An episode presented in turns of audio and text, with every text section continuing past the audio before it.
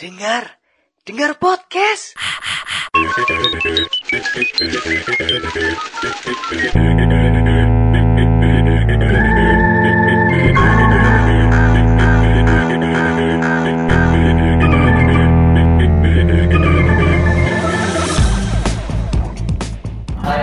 Halo muda-mudi muduk asik promosi Mudah, mudi, muduk. muduk. Eh, selamat datang di episode pertama temu dengar di channel YouTube dan podcast dengar bareng saya Satya Ari dan udah eh, ada bareng saya saat ini Harum eh, Mas Setiadi. Harum Setiadi Eh, orang terlucu nomor 2 di Solo Raya setelah Jan Etes kalah karo cah bayi ya mas ya Itu kan bayi ber- bayi ini cucu presiden. Pak. Eh, Mas Harum Setiadi ini stand up comedian Yap. Asli Solo nggak mas? Ah, bukan, saya kelahiran Boyolali. Boyolali Cuman dari TK udah di Solo. Solo. Uh, senam komedian, kartunis juga, Kartunis. vokalis juga. Vokalis, eh, guru privat gambar.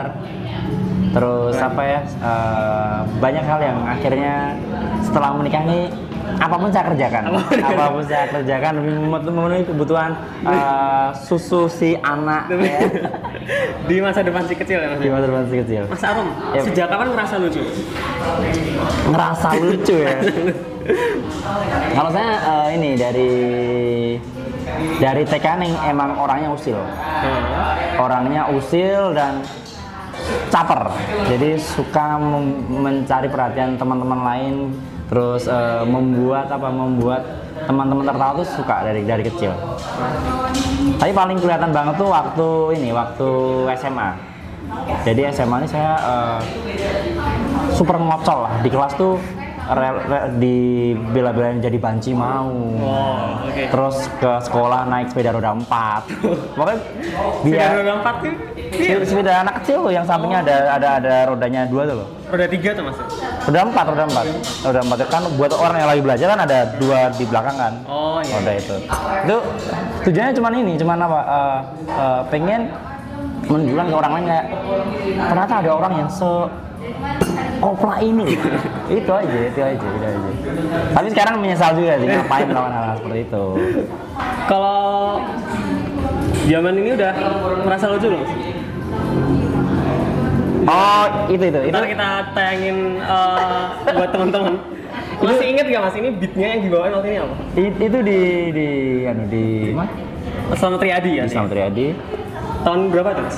2010. 2010. 2010 itu diajakin temen eh, temen dia kebetulan bikin bikin apa bikin stand up tidak harus komedi Stand up tidak harus komedi. Eh, terus saya ikut kan itu main di pinggir CFD gitu dan eh, bahasnya tuh simpel kayak jomblo jomblo. Waktu itu saya, saya inget uh, soal jomblo. Jomblo. Dan anehnya belum pansen udah ketawa sendiri. ketawa sendiri ketawa sendiri. karena itu emang yang nonton cuma teman-teman kayak Iya, empat iya. empat lima orang tok gitu jadi itu pertama kali open mic mas? eh itu kalau open mic di depan kamera mungkin ya cuman cuman kalau resminya open mic belum sih Resminya open mic dulu. Eh, Jadi pertama kali nyoba stand up comedian itu tahun berapa? stand up comedy itu tahun pertengahan 2013 awalnya diajak teman tadi belum masuk komunitas kan Hmm. awalnya diajak teman kebetulan waktu itu dia kerja di salah satu hotel di Solo di daerah Selamat Riyadi. Kebetulan setiap malam minggu nih eh, untuk apa? Untuk eh, selingan selingan band top 40 saya ngisi di situ sama temen jadi saya 15 menit teman saya 15 menit. Saya selalu tampil dan 15 menit. ya tapi nggak nggak tampil full kadang-kadang 10 menit aja udah udah capek. Hmm. dan itu jarang banget ada yang orang, orang yang ketawa. Jadi materi-materi materi-materi tapi saya udah berusaha total nulis ya materi nama saya Arum A akhlaknya bagus. R rajin menabung uang orang tua. U ulah dan tahan lama. M masalah buat lo. Itu orang orang ada yang ketawa diem Materi-materi singkatan-singkatan ala komedi-komedi TV iya dulu ya mas? nama saya Ase Arum Setiadi tapi dari rumah udah udah merasa kayak Pasti lucu. Eh. Pasti lucu. Iki gue penonton mesti ngakak ngakak. Ternyata enggak, ternyata enggak. Jadi berapa lama sampai akhirnya pecah? Pecah pertama kali itu berapa lama? Eh, saya hampir ini awalnya awal kronologinya itu seperti ini jadi saya kan sebagai vokalis band yang kalau di Solo ini orang-orang bilang band humor. Band humor. Eh, walaupun lagu-lagunya tidak melulu tentang tentang tentang hal-hal yang lucu ya. Ini setiap kali sesudah dan sebelum nyanyi saya selalu selalu ngejuk. Biar penonton penonton cair terus dia mau menyimak lagunya. Saya terbiasa membuat lelucon di band itu membuat saya cukup sombong. Sombong kayak ah stand up comedy gampang. Anak-anak musik setiap kali saya perform ketawa komedi kecil. Ya ternyata setelah saya Ternyata? eh, ik- ikut apa ikut di komunitas jadi belum gabung. Saya sering datang ke komunitas open mic kan. Nah, tampil hening ya karena orang nggak ada yang ketawa. Terus selama ham- hampir saya datang setiap Jumat kan mas. Biasanya acara acaranya di stand up Solo kan namanya Jumat Jumat setiap hari Jumat. Itu setiap Jumat saya datang. Setiap Jumat saya datang tapi saya nggak pernah ikut sharing pokoknya saya datang eh, nggak awal-awal banget tapi pulang juga nggak pulang terakhir. Jadi eh, tampil nggak lucu pulang tampil nggak lucu pulang tampil nggak lucu pulang. Terus yang membuat saya bertahan adalah ini. Apa? Saya tuh lihat teman-teman yang lain kan? Teman-teman yang lain tuh dalam keseharian mereka nggak lucu. Tapi kalau di panggung bisa lucu. Ini pasti ada tekniknya kan? Ada formulanya. Akhirnya saya nyari-nyari mas. Nyari eh, baru kemudian oh ternyata saya nyamannya lucunya di sini nemu. Nah, akhirnya nemu di situ. Gitu sih. A- apa keresahan-keresahan yang biasa dibawakan eh, Mas Arum? Dulu kayaknya eh, saya pernah nonton soal motivasi Ya. eh, soal kemiskinan kayak gitu. Ada perubahan nggak sih dari dulu sampai sekarang keresahan-keresahan yang di, dibawa?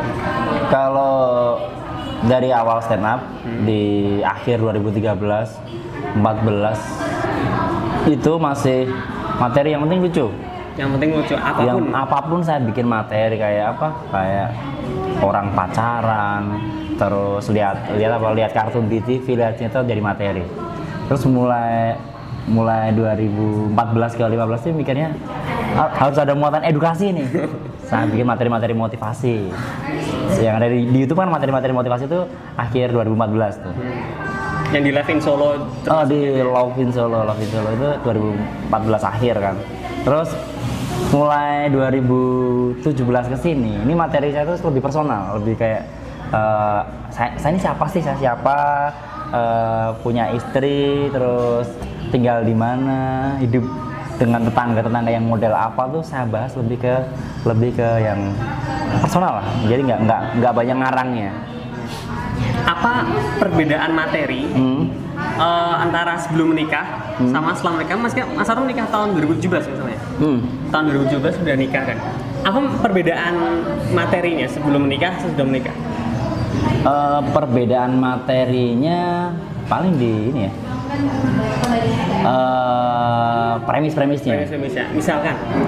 Kalau dulu sebelum menikah paling saya ceritain kayak nyeritain ini sebelum nikah tuh materi-materiku apa ya mas? Aku agak-agak lupa. Jadi mas sebelum nikah tuh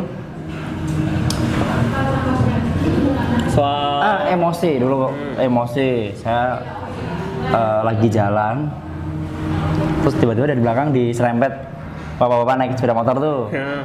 terus eh, udah nyerempet bukannya minta maaf si bapak-bapak ini malah marah-marah.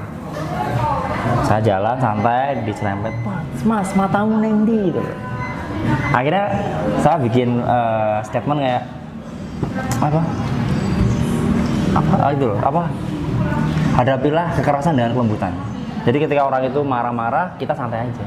Mas matamu neng di iki? Gitu. dasmu neng di iki? Dulu masih materi-materi kayak gitu mas.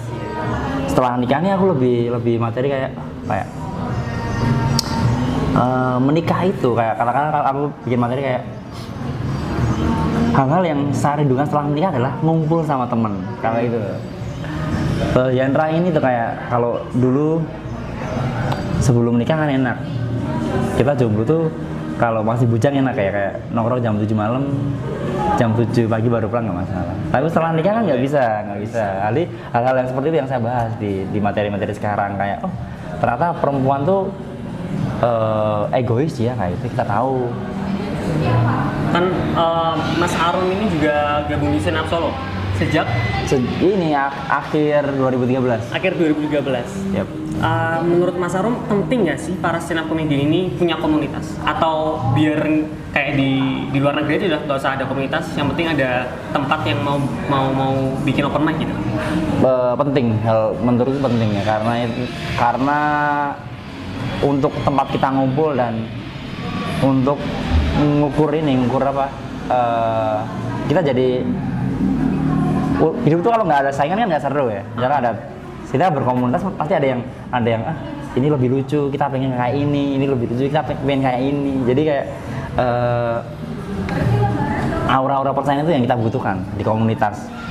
Terus ntar juga akan ada kayak job juga dari komunitas terus apa ya pokoknya kedekatan emosional sama teman-teman ini membuat kita jadi Bisa sharing-sharing sharing, sharing materi. materi kalau kita juga. sendirian kan ini kalau di Solo kalau di Solo kalau di Indonesia nggak nggak masuk sih kalau nggak ke komunitas Oke.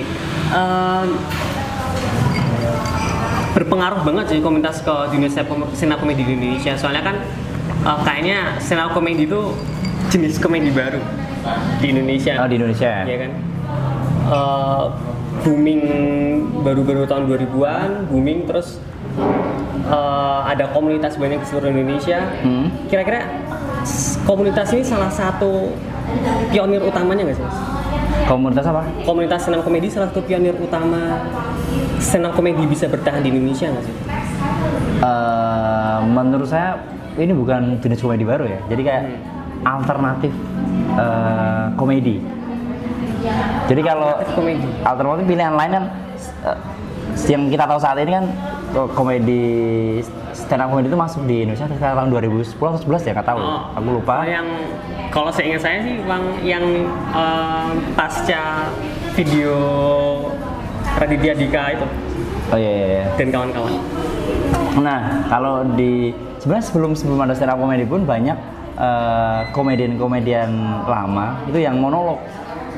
Kayak kalau kita di Jawa tahu itu ada Basio, Hmm. ada Junedi, beberapa kayak Kirun Bagio Kolik itu kadang-kadang kalau awal muncul Kirun dulu, Kirun dulu biasanya tuh eh, 15 menit awal tuh monolog. Itu kan sama aja kayak stand up kan Cuma taktiknya beda, apa sama? sama dia kayak oh dia kayak ada punchline-nya tek, tek, ada punchline cuman masalah eh, ini aja bahasa aja cuman habis itu ada format format eh, lawa TikToknya sama lawan mainnya. Ada iringan musik musik eh, campur sarinya gitu aja sih. Bedanya cuma di itu ya mas. Eh, kalau kalau yang ini kan eh, kesannya tuh lebih modern kalau yang di stand up ini. Padahal kalau misalnya kita kita mau collab misalnya kita main di Solo nih Hmm. pakai bahasa Jawa pun itu lebih lebih lebih, lebih masuk di Solo Lebih referensi bahasanya. Heeh. jadi kayak kalau saya main di kalau nggak di depan kamera ya nggak nggak dan nggak harus seluruh Indonesia tahu saya nggak perlu ngomong satu heran ya kamu nggak perlu kalau di Solo yang ya jujur pakai bahasa Jawa aja kayak wah cah nom nom saiki gua play ya jadi kita lebih lebih los ketika kita pakai bahasa setempat. Misalnya kamu orang orang orang apa? Surabaya. Pakai logo-logo Surabaya lebih menarik untuk orang Surab- Surabaya kecuali untuk keperluan industri di televisi ya. Kita emang eh, harus pakai bahasa Indonesia yang orang orang orang orang tahu. Nah soal industri juga perlu nggak sih uh, stand up stand up komunitas stand up stand up lokal Hah? itu jadi terindustri bang? Kan sekarang orang biasanya uh, sering lihat yang industrinya tumbuh itu cuma di Jakarta. Itu bener nggak sih?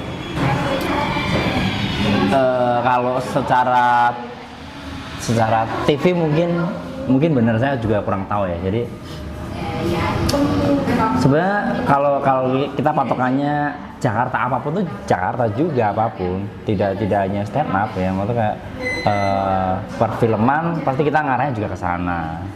Terus industri kreatif kakak sa- Jakarta sama Solo aja beda. Iya. kayak misalnya bikin logo di kayak Jakarta kita bisa terapin kayak oh logo tuh harganya harus profesional ini ini ini. Di Solo kita belum tentu bisa pasarnya pasarnya nggak sama dan menurut menurutku eh, komunitas nggak perlu terindustri ya Hmm. Eh, karena apa karena Eh, karena kita kan tergantung tujuannya si komika masing-masing nih. Ada yang oh tujuan ikut berkomunitas untuk bersenang-senang. Ada yang cuma pengen ngumpul, ada yang oh ya wes aku main yang solo wes sebagai. Aku main yang solo terkenal yang solo wes seneng. Tapi ra perlu eh, melu audisi, ra perlu eh, terkenal sampai Jakarta ra apa-apa. Tapi ketika komik komik Jakarta ini targetku cuci aku dulu lucu ya misalnya kan kadang-kadang komik daerah tuh komik lokal tuh lebih lucu dari eh, ketika pakai bahasa lokal ya Iya. itu lebih lucu dari komika nasional cuman masalahnya eh, tetap eh, penggemarnya tetap minta foto-fotonya sama, sama yang terkenal gitu Mas Arum pernah ikut audisi kompetisi TV pernah Suci Suca gitu. pernah pernah pernah suci pernah aku suca juga pernah Lolos sih mas. Lolos atau lolos sampai berapa besar? enggak kalau Tahapan apa gitu? suci nggak lolos cuman nggak dikat Gak dikat. dan ada beberapa komik Oh, komik iya, iya, yang bener-bener. tampil nggak sampai tiga menit aja udah dikat kadang-kadang baru assalamualaikum udah dikat karena aneh dia dan tuh kebetulan didengerin didengerin sampai tiga menit cuman ya udah ya kayaknya nggak nggak saya nggak nggak nggak bisa membuat materi yang kebetulan cocok sama industri atau emang kualitas saya nggak sampai ke- belum ke situ Waktu itu open mic-nya eh, eh, apa namanya audisinya pakai bahasa Indonesia kan? bahasa Indonesia karena karena nggak pernah terlatih jadi Oh. jadi medok Rasanya aneh Ray. aneh aneh banget, banget. Soalnya kalau kalau kalau teman-teman Aneh eh, suka lihat stand up solo, stand up lokal solo itu emang paling enak kalau pakai bahasa Jawa ya mas. bahasa Jawa kadang-kadang ini mas bahasa Jawa weh, misalnya kita di depan kamera aja kan- kadang-kadang bahasa Jawa sing di Indonesia Indo- Indonesia ya kayak biasa wae le. Padahal padahal kita nggak nggak se se Indonesia aku kayak biasa wae le. Kan lu lu Jawa yang itu. Kalau orang Jakarta yang pakai bahasa Jawa kadang-kadang kadang, Belanggereng apa belanggereng? Aku ra iso.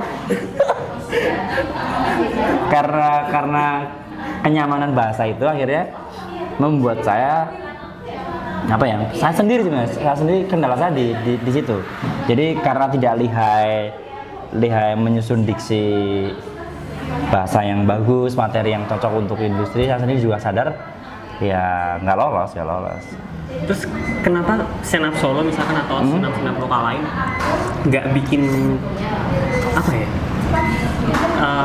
sebuah Hmm. channel YouTube kayak Komtung TV atau MLI kayak gitu? Kalau stand up solo em- emang belum bikin. Kak, tapi kalau komunitas lain udah banyak yang bikin ya? Udah banyak yang bikin. Udah banyak yang bikin. Eh, karena apa ya? Karena kalau kita mikirnya sih tidak semua komunitas eh, pengen terkenal mungkin pengen nyari uang dari sini apa kayak YouTube bikin konten itu juga nggak gampang kan? Iya, iya. misalnya konten oh konten ini udah dipakai giba udah dipakai terus konten apa? Debat udah dipakai konten nyanyi lucu udah dipakai. Kita jadi bingung cari konten apa konten apa konten apa tuh nggak mudah. Dan misalnya bisa, bisa bikin konten kita akan kesulitan bi- ngatur waktu gimana caranya konsisten di situ yang tiap minggu harus upload tiap minggu harus upload. Kadang-kadang kalau misalnya uh, subscribe-nya nggak banyak banget kita mulai bosen. Kok video video nggak ingin ini saya komen viewernya sih dek sekali nenek sing komen nggak lucu anjing.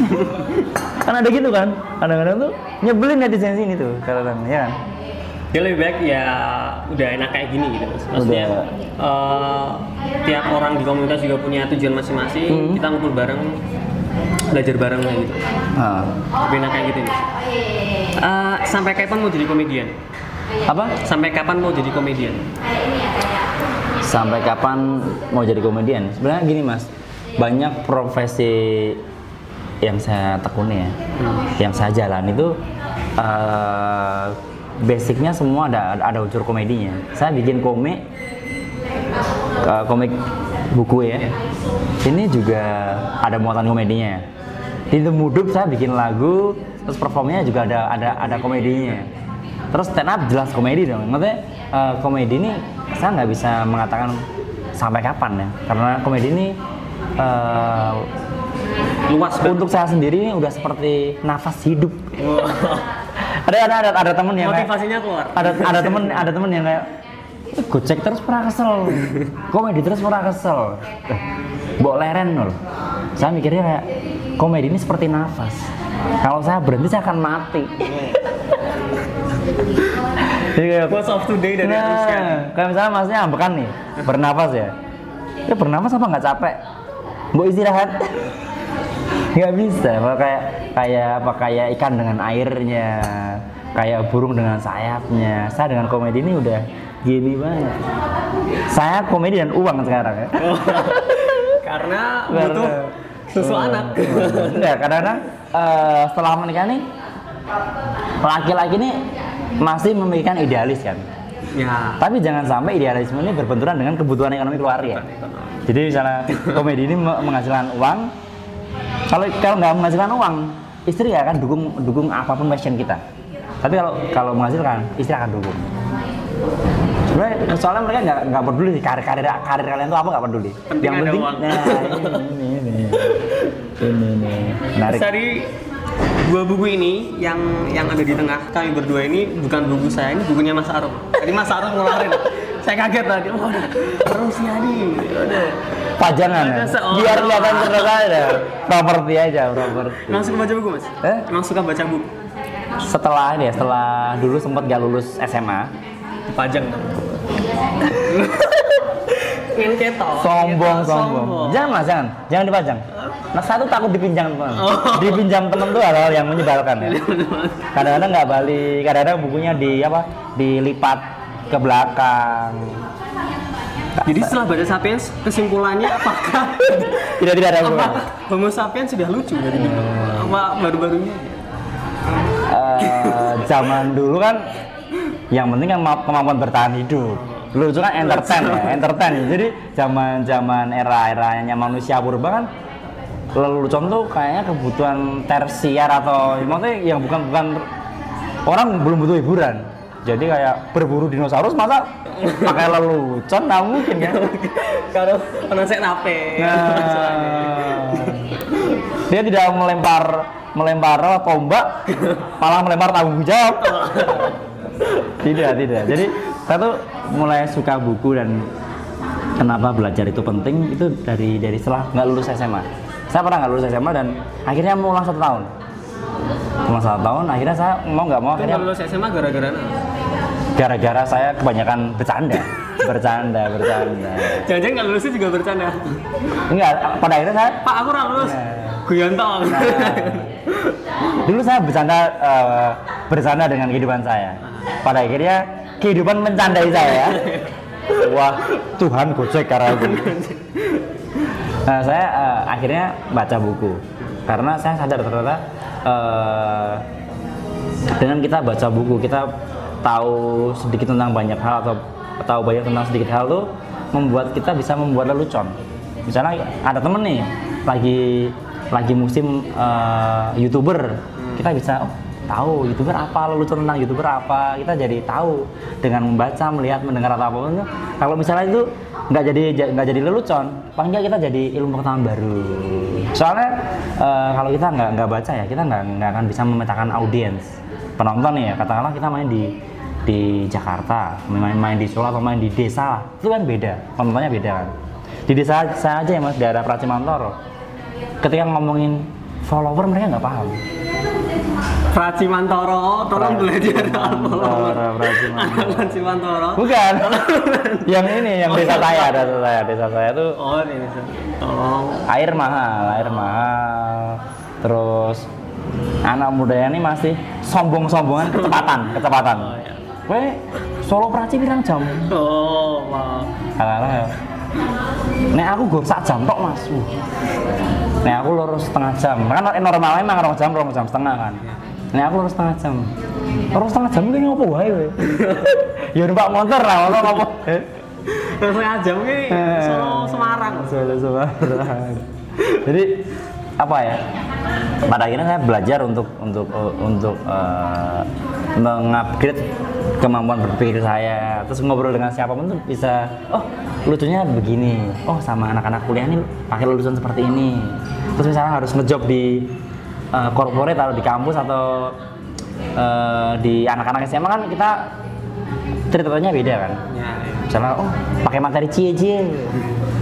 Pakai materi eh, di kampus pakai materi apa? Yang agak-agak berat masuk.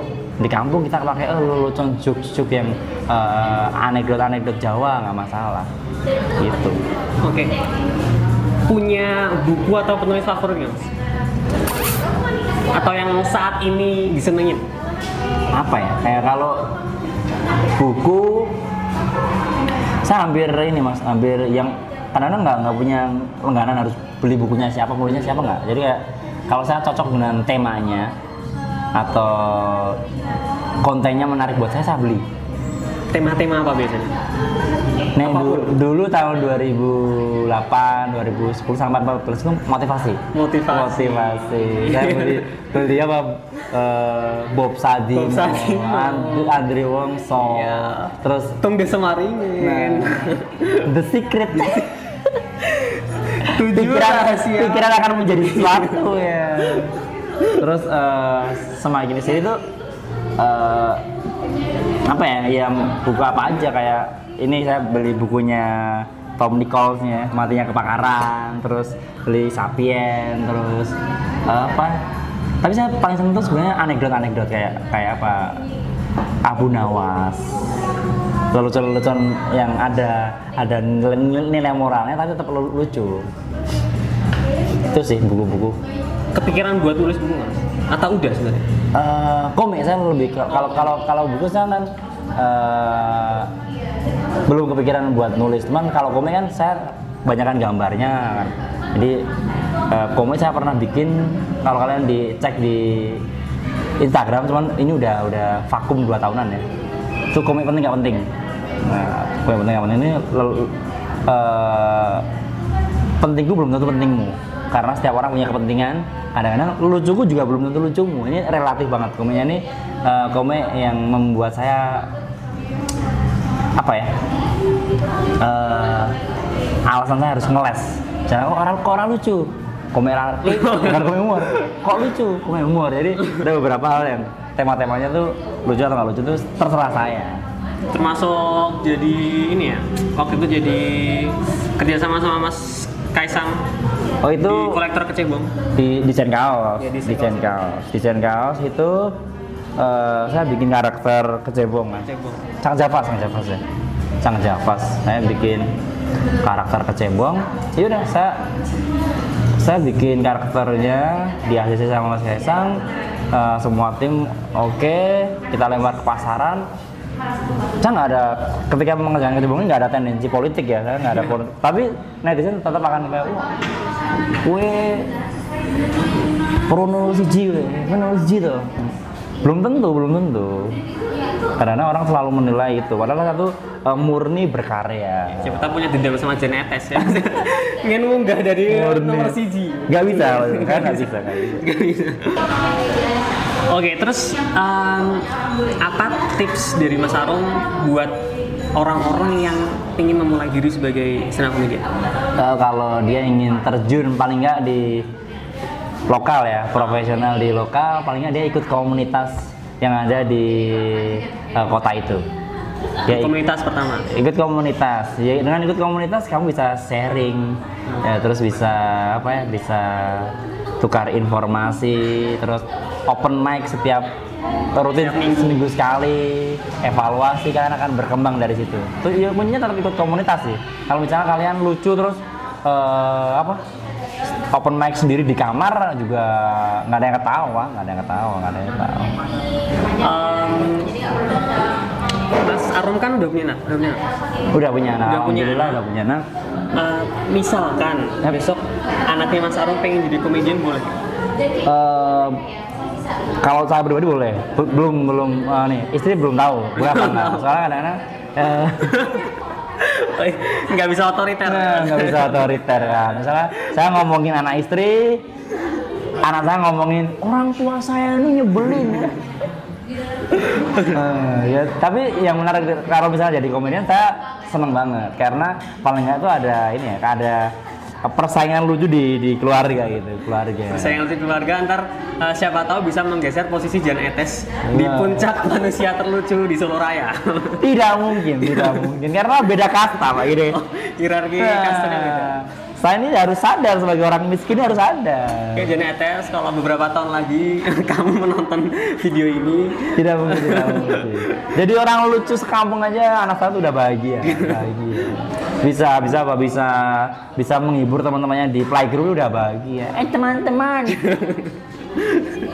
udah bahagia Oke gitu eh, obrolan seru kami bareng Mas Arum Setiadi. Makasih banget Mas. terima kasih Mas Satya Eh, sampai jumpa lagi di episode temu dengar eh, selanjutnya. Jangan lupa like, share, dan komen channel untuk eh, support channel kami. subscribe Subscribe jangan lupa oh, ya.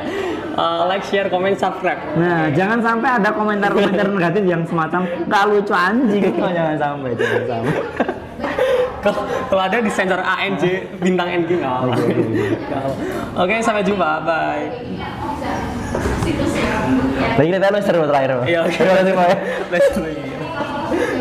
Soalnya kadang durasi ngobrol, ngobrol setengah jam tuh kutu suruh terus ya, deh. Berarti air pasang surut ya. kan? Kita yang Mengenur atau?